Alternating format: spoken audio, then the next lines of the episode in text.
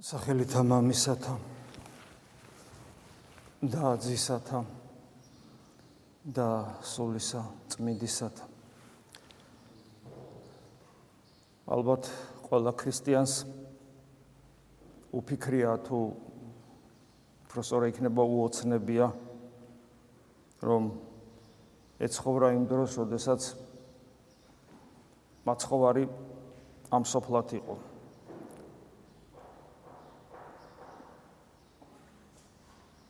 მის ჯვარცმამდე და მის ამაღლებამდე. აა მაგრამ ეს არის ადამიანური მსჯელობა, ადამიანური ფიქრი და მართლაც რომ მოცნება აა რომელსაც კაცმა რო თქვას სულიერ ცხოვრებასთან კავშირი არც კი აქვს. ეს არის უფრო ადამიანური ცდელობა აი თომა მოციქულს რო ქონდა თქვა უშუალოდ შეეხოს ხორცელად განიცადოს.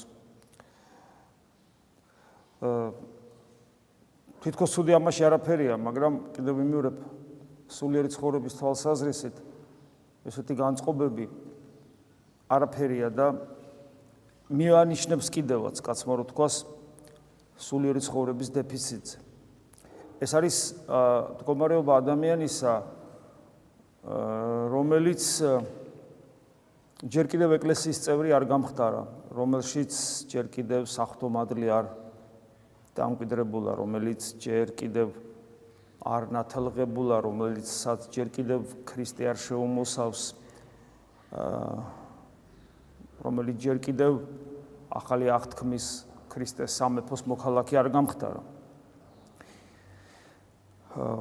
აი დღესაც და ეს ჩვენ გვჭირს. მიუხედავად იმისა რომ ნომინალურად ჩვენ ეკლესიის წიაღში ვართ და ათლღებულნიც ვართ და აგერვე ზიარებით მუდამ და თითქოს ეს ყველაფერი ჩვენ ახალი აღთქმის მოქალაქეობა ჩვენში უკვე უნდა რეალიზებული იყოს. მაგრამ ჩვენი რწმენის სისუსტის გამო რომელიც მხოლოდ და მხოლოდ ჩვენი ბრალია ვერ ცილდებით მიწას და მიწაზე მიჯაჭულები ვრჩებით. ჩვენ გვინდა რომ აი ამ მიწიერ განზომილებაში, მიწიერ განზომილებაში მიწიერ სააზროვნო და შემეცნებით კოორდინატებში განვიცადოთ ღმერთი. და ვგავართ უფრო მოციქულების იმ მდგომარეობას, სანამ ისინი სულიწმინდა ღმერთის მიერ მოინათლებოდნენ სულთმოფენობის ჟამს. აი ნახეთ დღევანდელ სახარებაში ქრისტე როგორ საუბრობს. უმჯობეს არს თქვენ და მოწაფეებს ეუნება. მოწაფეებისათვის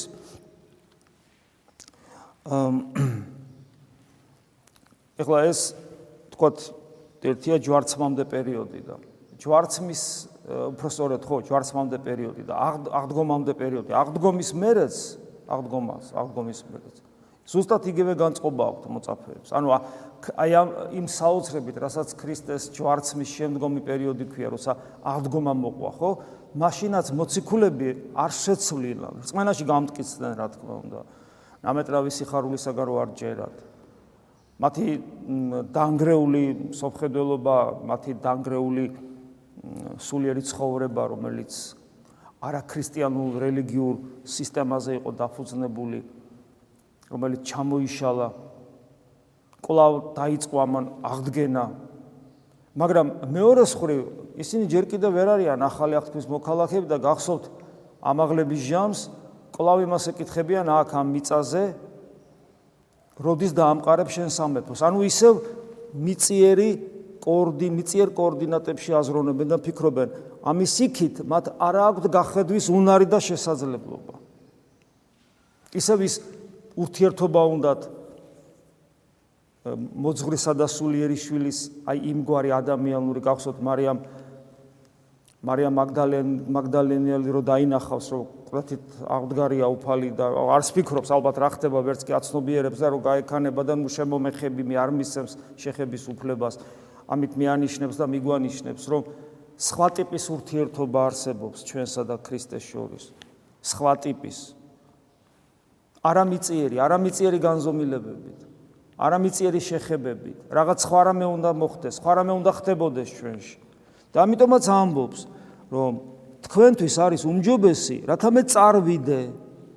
უკეთ თუ მე არა წარვიდე, ანუ მე თუ არ წავალ, ნუ გეშინის ცემელი იგი არა მოვიდეს თქვენ და უკეთ თუ მე წარვიდე, მოვავლინო იგი თქვენ და ლაპარაკია სულიწმინდა ღმერთის მოვლინებაზე, რომელიც ჩვენი გამოხსნის საქმეში მას შემდეგ შემოდის აა იგი როგორც ღმერთი ყველგან არის და ყოველთვის, მაგრამ განსაკუთრებულად იწყებს მოქმედებას და მისი მოქმედებით ხდება ეკლესიის დაარსება როგორც ქრისტეს მისტიური სხეულის.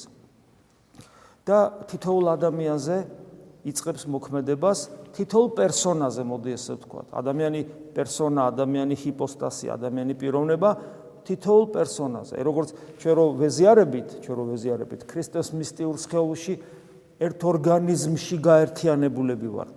ამას ქვია ეკლესიის ქრისტოლოგიური ასპექტი. ანუ როდესაც ჩვენ გაერთიანებული ვართ ერთ ორგანიზმში და ერთ ორგანიზმს წარმოვადგენთ და გვაქვს ერთობითი ვალდებულება და ერთობითი პასუხისგებლობა.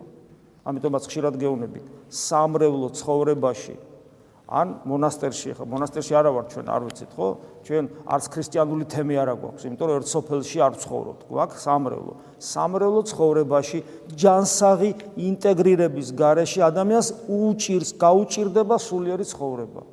ერთმანეთის სადმი სიყვარულის გარეშე ერთმანეთის სადმი თანაგანცდის ერთმანეთის ტკივილების თანაგანცდის გარეშე და მოკლედ ამ ერთობის გარეშე გაგვიჭირდება სულიერი ცხოვრება გაგვიჭirdება სულიერი ცხოვრება.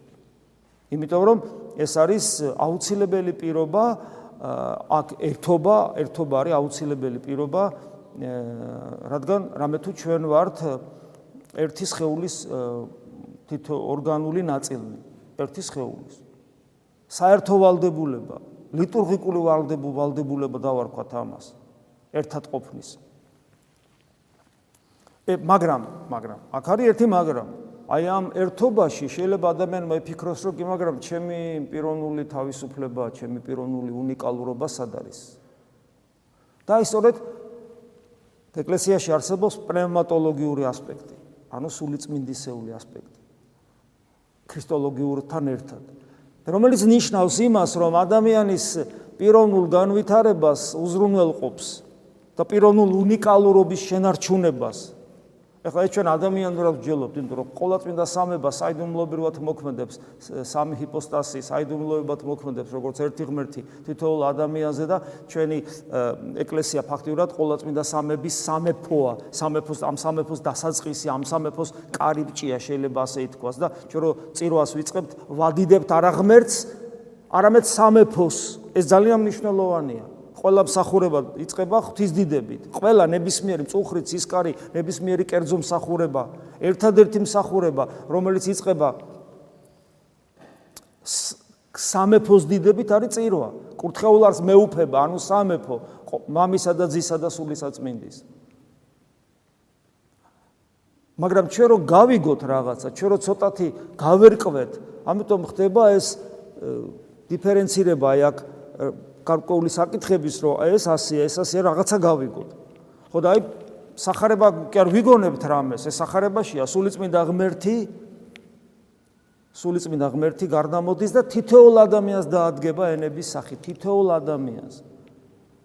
და ეს ნიშნავს, რომ სწორედ აი ეს პიროვნული უნიკალურობის შენარჩუნება ხდება და თუ პირველ შემთხვევაში ქრისტოლოგიური ასპექტის შემთხვევაში ჩვენ გვაქვს ერთობლივი ლიტურგიკული პასუხისგებლობა, ერთობის პასუხისგებლობა, სულიწმინდა ღმერთი გვაყენებს იმ ვალდებულების წინაშე, რომ გვაქვს პიროვნული, პიროვნული პასუხისგებლობა. სულიწმინდა ღმერთი სწორედ ამგვარად მოდის. და ჩვენ პიროვნული პასუხისგებლობის წინაშე გვაყენებს იქ იმის გამო, რაც ჩვენს ჩვენს თავს ხდება, როცა ჩვენ ხდებით ასე ქრისტიანები. და სულიწმინდა ღმერთი რომ მოვა, ამბობს, ნუგეშინის ცემელს უწოდებს.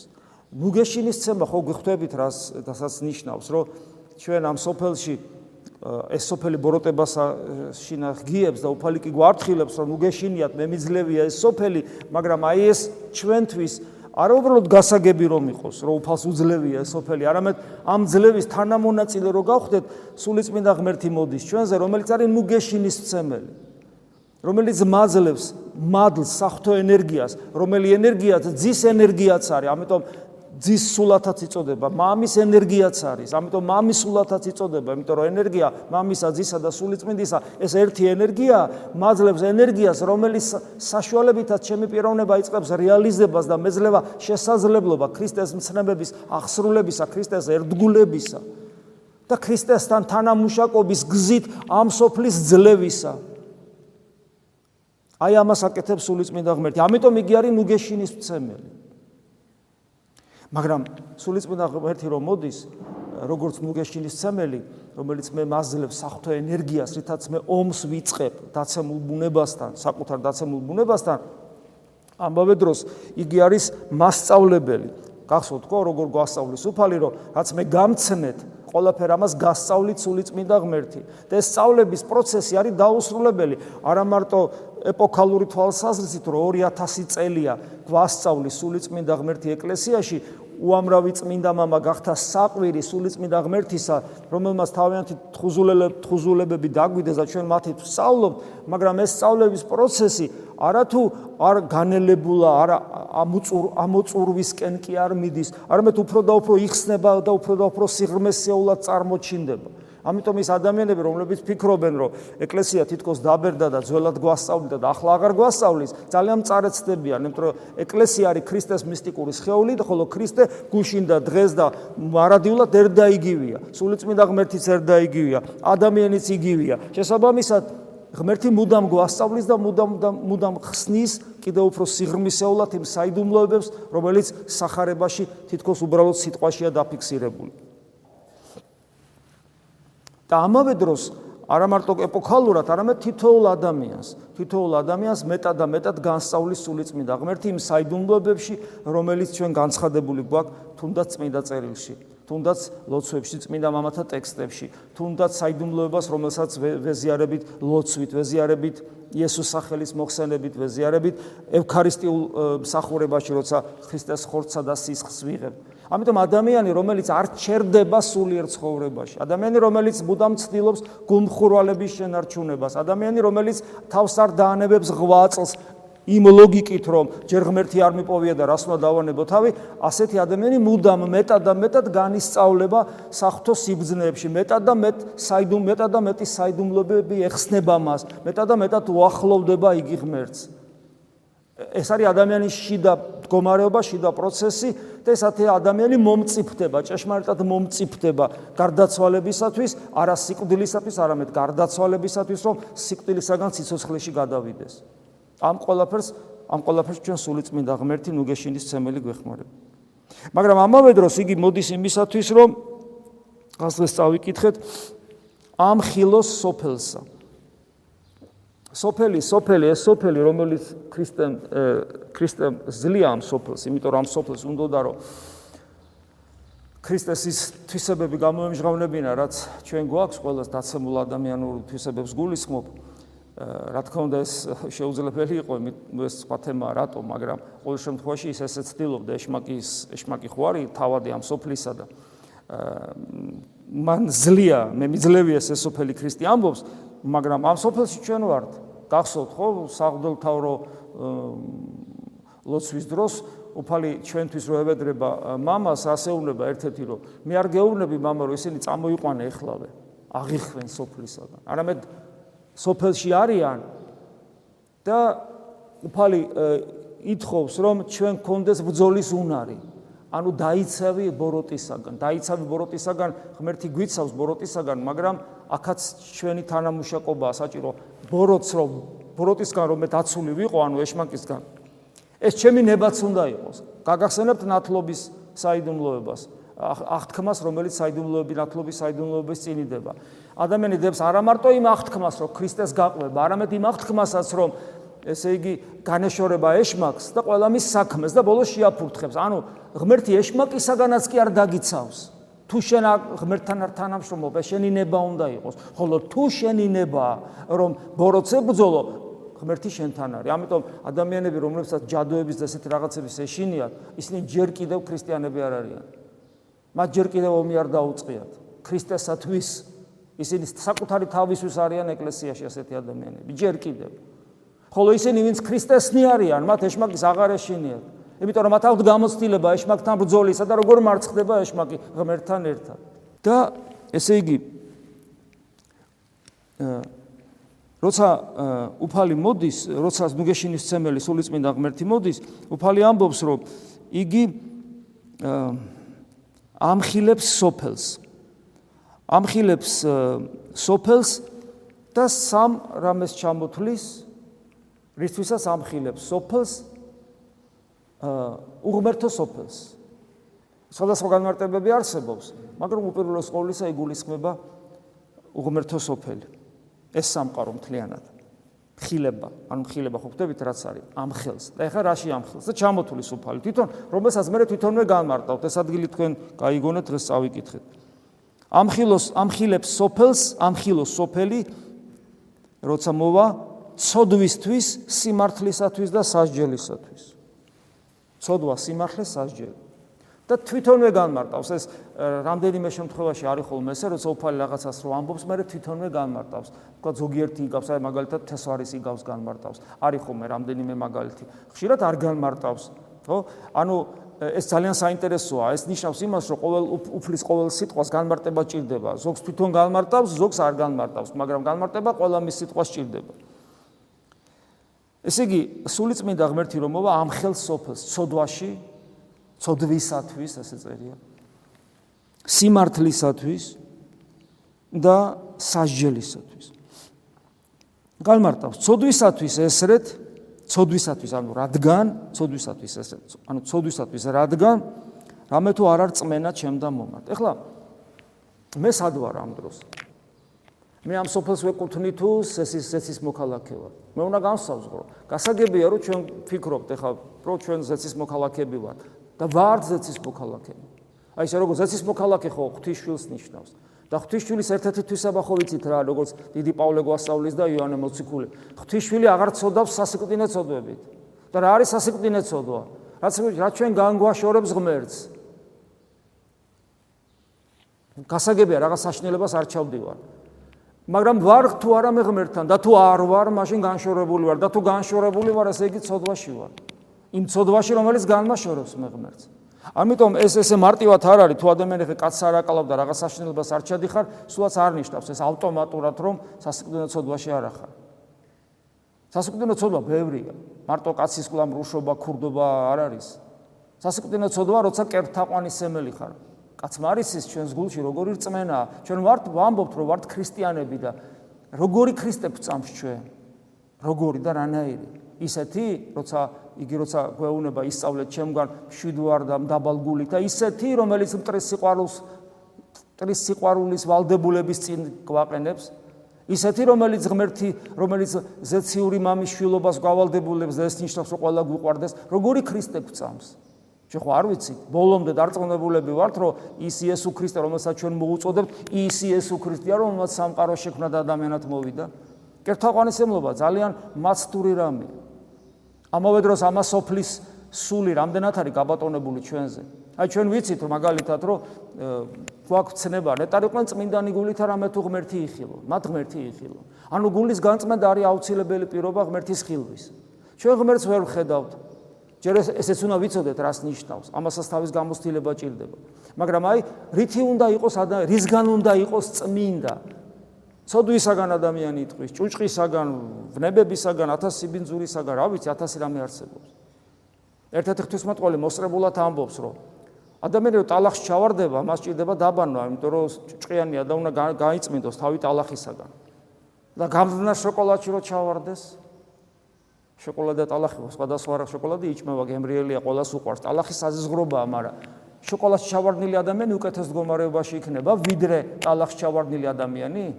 შეიძლება უარეს გომარეობაში იყოს წებოვანია, ტკბილია, უფრო ძნელად ჩამოსარეცხია.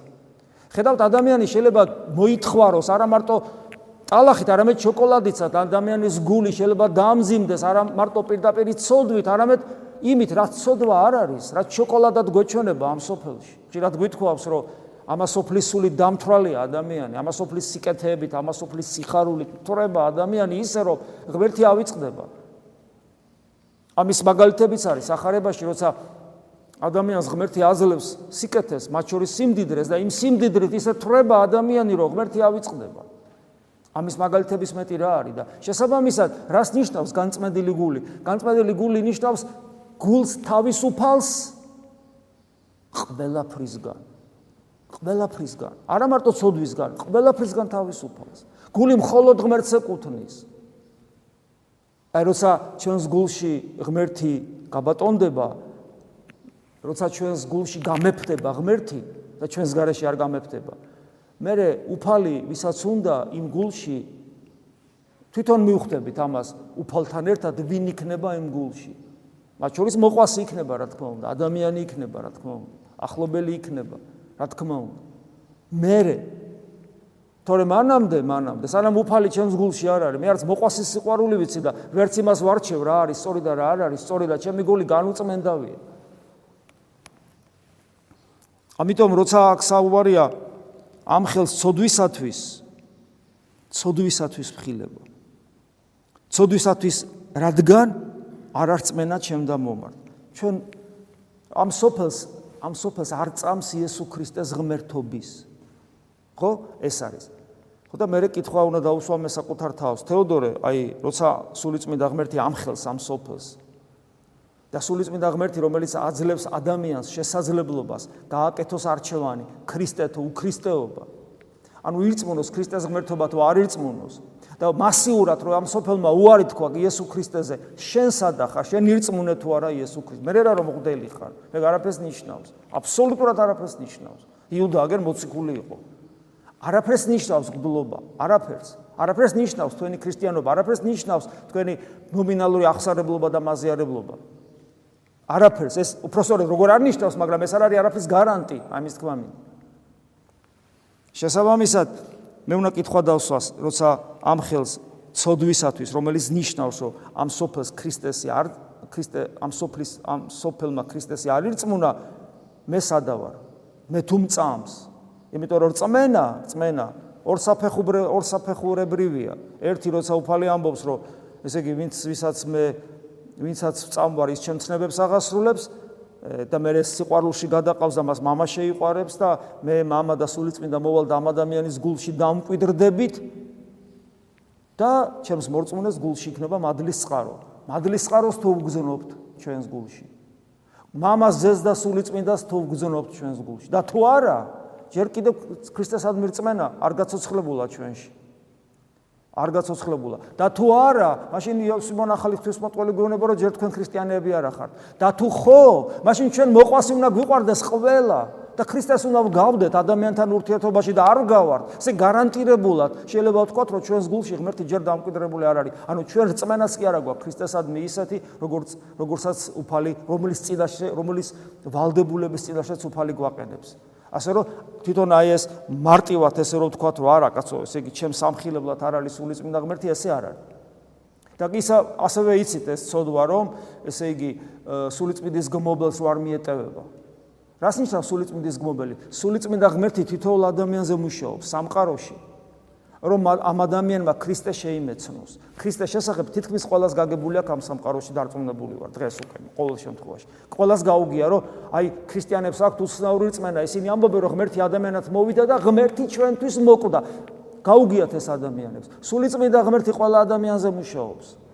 ადამიანები რომლებიც ქრისტეს ღმერთობას არიღებენ რა თქმა უნდა ისინი სულიწმინდის გმობელები არიან ისინი სულიწმინდის აი ამ ხილებას რომ მათ ღმერთი შეიცნონ ადამიანთა მოსული ყურა ყურს არა უგდებენ.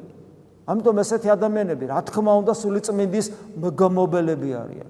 იმიტომ რომ ადამიანი ვერ ხვდება ხშირად ადამიანი ამბობს რომ იცი რა მე აი ადამიანი შეიძლება ვერ მიხვდა რომ იესო ქრისტე ღმერთია. ან შეიძლება თქვას რომ იცი კი მივხვდი რომ იესო ქრისტე ღმერთია მაგრამ აი ძალიან ძნელია რომ ესე იგი მას ისე იცხოვრო როგორც მან გვითხრა და ჯერ ესეთი როგორც წესი არიციან რა რა თქვა ამ დროს ესეც სულიწმინდის გმობაა, იმიტომ რომ სულიწმინდა ღმერთი გაძლევს შესაძლებლობას დაინახო ქრისტე როგორც ღმერთი და მოგცეს მადლი რომ მას უფალი უწოდო, ვერავინ იტყვის უფალი ესო თუ არა სულის წმინდის მიერ, როგორც პავლე მოციქული ამბობს და გაძლევს ძალას რომ მას გაყვედა უერთგულო.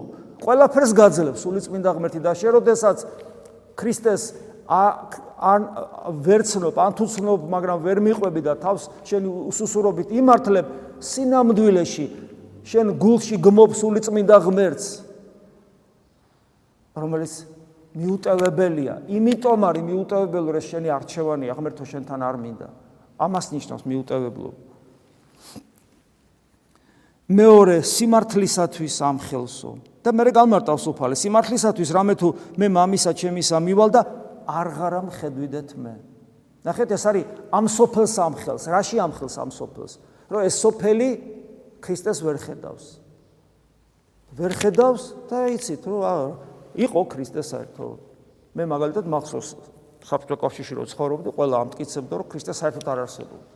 მე რეხა მიხვდე, რომ ეს ამას საფუძველი არა აქვს ამ სისულელეს, იმიტომ რომ ისტორიულად დასტურდება, მისი ისტორიულობა ისტორიულად დასტურდება და მაშინ ხო არა, კი, ხო, იყო, მაგრამ ნუ ესეთი კეთილი ადამიანი იყო, ან რაღაც ერთი-ერთი ფილოსოფოსი წერდა ქართველი რაღაც ექსტრასენსი იყო და რაღაც ესეთი. და ზოგი რავი რევოლუციონერი და 1000 1000 რაღაცას ამბობენ. 1000 რაღაცას ამბობენ. ხო? ესე იგი მაგრამ ის რომ თქვა იგი ღმერთია და იგი რომ მოვიდა ღმერთი იგი აღდგა მკვდრეთი და სადგინახავთ რა იცი ანუ რატო ამ სოფელს არა გუნარი ქრისტეს დანახვის იმიტომაც არის უღმერთო ხო ვერ ხედავს და კიდევ მეორე ჩაკეტილია მიწიერ ჩარჩოებში მიწიერ განზომილებებში მიწიერ განზომილებებში ქრისტეს დანახვა უნდათ, რომელიც საერთოდ სხვა განზომილებაშია, სხვა სხვა სხვა სექტორშია, შემეცნებისა და ასე შემდეგ. და ისევ ჩემ თავს მიუბრუნდები. მეც ხო არ ვიმხილები აი სიმართლით, რომ მე სიმართლე რა არის, რომ ამ სოფლიდან წავიდა. რატო წავიდა ამ სოფლიდან? რომ ორი მიზეზით, ის რომ სულიწმინდა ღმერთი მოვიდეს, ამას თავის მიზეზი აქვს, რატომ მე მოვიდეს, როცა ის ავიდა მამასთან და მეორე ადგილი, ადგილი, ადგილი გაგიმზადოთ. რას ნიშნავს ადგილი გაგიმზადოთ? ანუ ადამიანურ ბუნებას მისცა ადგილი ყოვლადწმინდა სამების წიაღში. და მე ვიცი, რომ ჩემი თავი ზეცაშია და ჩვენს ხეული ვარ და მე ვიცი, რომ თუ ქრისტეს ადამიანური ბუნება არის ყოვლადწმინდა სამების წიაღში, ესე იგი მე შეიძლება ვიყო იქ, იმიტომ რომ მან ჩემნაირი ბუნება მიიღო. ანუ მე ჩემი მარადიული სიცოცხლე, როგორც სრულ ადამიანს მაქვს გარანტირებული თუ მე ეს მოვინდომე, სულსა და ხორცს. ამიტომ წავიდა. მა იქ რო ავალ, იქ რო ავალ თუ ცხონდი, იქ რო მე მარტო არ ვიქნები, უფალს აქ უნდა ვიცნობდე უკვე ის მე ვიცნობდეს და მე მას მასთან როგორც მამასთან ისე მივდივარ, რომელსაც მე აქვე უნდა ვხედავდე. მაგრამ აი ამბობს რომ ვერ ვხედავთო. სიმართლე ეს არის. არ ღარა მხედვიდეთ მე. ეს სოფელი დიახაც ვერ ხედავს. ვერ ხედავს ღმერთს და ჩვენ ვხედავთ გესმით? აი ეს კითხვა საკუთარ თავს უნდა დაუსვა. და რადგან ვერ ვხედავთ, ესე იგი ჩვენ სულიერ ცხოვრებას ვაკლებთ და ჩვენი გული ამა სოფლის სულით უფრო სავსეა ვიდრე სახთო მადლით. ჩვენ ჯერ არ გამختارვათ ღვთის ტაძარი, თქვენ ტაძარნი ღვთისანი ხართ, პავლე მოციქული გონება არ გამختارვათ ღვთის ტაძარი. ესე იგი სულიწმინდა ღმერთი ისევ ჩვენ გვამხელს, გონია რომ უღმერთოებს ამხელს არ და ჩვენ გვამხელს იმიტომ რომ ეს სიმართლე მწარე სიმართლე რომ ქრისტე ამ სოფელში ხორცელი თვალით არ იხილვება ეს წირა მწარე სიმართლე ჩემთვისაც წარეა აი როგორ უნდა მოისვენოს ადამიანმა? როგორ უნდა მოისვენოს ქრისტიანმა? როგორ უნდა ეძინოს ტკბილად? ეხლა ტკბილათაც უნდა გეძინოთ და ჯანმრთელობას მოგცეთ ღმერთმა მაგრამ მე ამას ვამბობ შინაგანი მდგომარეობით შინაგანი გაგებით სულიერი გაგებით. როგორ უნდა მოისვენოს ადამიანმა როგორ უნდა დაანებოს ქრისტიანულ ღვაწლს თავი, ლოცვას თავი, წაზარში სიარულს თავი, მუდამ საკუთარ კონტროლს თავი, როგორ უნდა დაანებოს, როგორც დავით მეფსალმუნი ამბობს, ცვალებს ძილი როგორ უნდა მივცე, სანამ არ გიპოვი შენ სათხარ, დავით მეფსალმუნე საოცრად ლამაზად ამბობს ამ სიტყვებს, როგორ უნდა დაწყნარდეს და დამშვიდეს ადამიანი, როგორ უნდა გახდეს გულარხეინი, იცის რა რომ მას ჯერ ქრისტე არ უნახავს. გესმით? აი ეს არის. ამიტომ ეს ხილება ჩვენ გვეკუთვნის და მესამე სასჯელისათვის. სასჯელი, ნუ ეს არის, ნუ სასჯელი იცით რაც არის, როდესაც განვისჯებით, განვიკითხებით ღმერთისაგან. პასუხი მოგოთხოვება. რა სასჯელისათვის რამე თუ მთავარი გი ამას სოფლისა დაჟჯილია. მთავარი ამას სოფლისა ეშმაკია. ეშმა ანუ სულიწმინდა ღმერთი ამხელს ამ სოფელს იმისათვის რომ ეშმაკი დაისაჯავდა. კი მაგრამ მე ხო ეშმაკი არა ვარ, ადამიანი წყვის რა შუაშია. შუაშია, შუაში. სიყვარული ამას სოფლის ამ ტრობაა ღვთისა. ამას სოფლის თავადი არის ეშმაკი. ნუ გიყვართ ეს სოფელი და რა იარს მაშინა. სიყვარული ამას სოფლის ამ ტრობაა ღვთისა. და მე კითხავს უსვავ საკუთარ თავს რომ რადგან სასჯელი, საფრთხო სასჯელი მოწამულია ეშმაგზე. ეშმაგზე. დასჯილიაო. და რადგან ეს ეშმაკი ჯერ კიდევ არის ამასოფლის თავადი. მე თუ ეს სოფელი უფრო მიყვარს ვიდრე ღმერთი, მე ხო ეშმაკთან ერთად დავისჯები. აი ამაშია საქმე. ესე იგი, როდესაც ეშმაკის და დასჯის შესახებ მე გავიგე, მე უნდა რომელიც არის ამასოფლის სულის ავტორი და ამასოფლის უფროსი და ამიტომ ეს სოფელი ბოროტებაშია ჩაძირული. წეგანას გითხარით, ამა სოფლის აი შოკოლადით უთრება ადამიანი, ამა სოფლის სიხარულებით უთრება ადამიანი. მე სადა ვარ? ჩემს გულში ვისა აქვს ადგილი ღმერთს თუ ამა სოფლის სულს?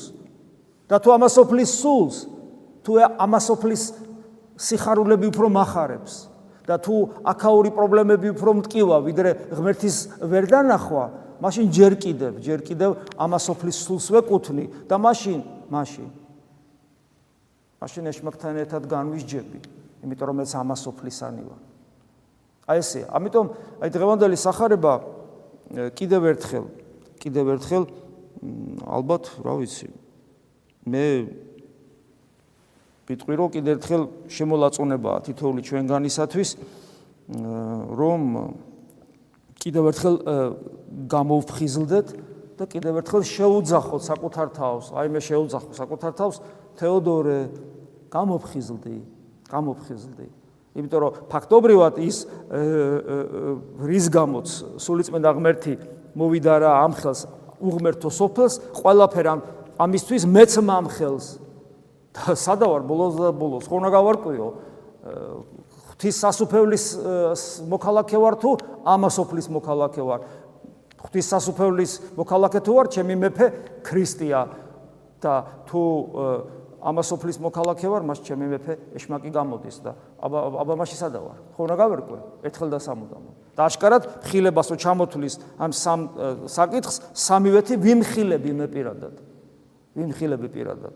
ასე რომ კიდევ ერთხელ კიდევ მეორე შემოლაწუნება წმინდა წერილის ეს სიტყვები დღევანდელი საკითხავი თითოეული ჩვენგანისათვის და რა თქმა უნდა, რა თქმა უნდა ჩვენ ეს ყველაფერი გვესმის და მძიმეა თუ გავიაზრებთ ამას, მაგრამ ჩვენ მაინც იმედიანად ვართ, იმიტომ რომ სულიწმინდა ღმერთი მარტო მომხილებელი არ არის, სულიწმინდა ღმერთი არის ნაკლუ ჩვენი ნაკლის აღმავსებელია. და ჩვენი ნაკლი, ნაკლად ჩვენ თუ აღვიქვავთ მას ნაკლად, მაშინ სულიწმინდა ღმერთი გვეხმარება. აი ჩვენ თუ აღვიქვავთ იმას, რომ ეს პრობლემები ჩვენში არის და ჩვენ ეს პრობლემები არ გვინდა გქონდეს, მაშინ ყველაფერი კარგად არის. მაშინ უფალი თანამშრომლობს ჩვენთან გვეხმარება და ნელ-ნელა ძალითი ძალად წარგვიძე მიგვიძღვება დიდებითი დიდებისკენ, როგორც პავლე მოციქული ამბობს. და იმედიანად უნდა ვიყოთ, რა თქმა უნდა. თავარი ავაცნობიერებდეთ, რომ სად ვართ ჩვენი არჩევანი. შეგვეციოს უფალი და დაგვიფაროს უფლის განდგომილებისაგან და მოგცვეს ძალა, რომ მткиცეთ ვიყოთ ქრისტეს სამეფოში, სამეფოში, რომელიც იგივე ყოლაწმინდა სამება სამება ღმერთის სამეფოა, მამისა, ძისა და სულისა წმინდისა. ამინ.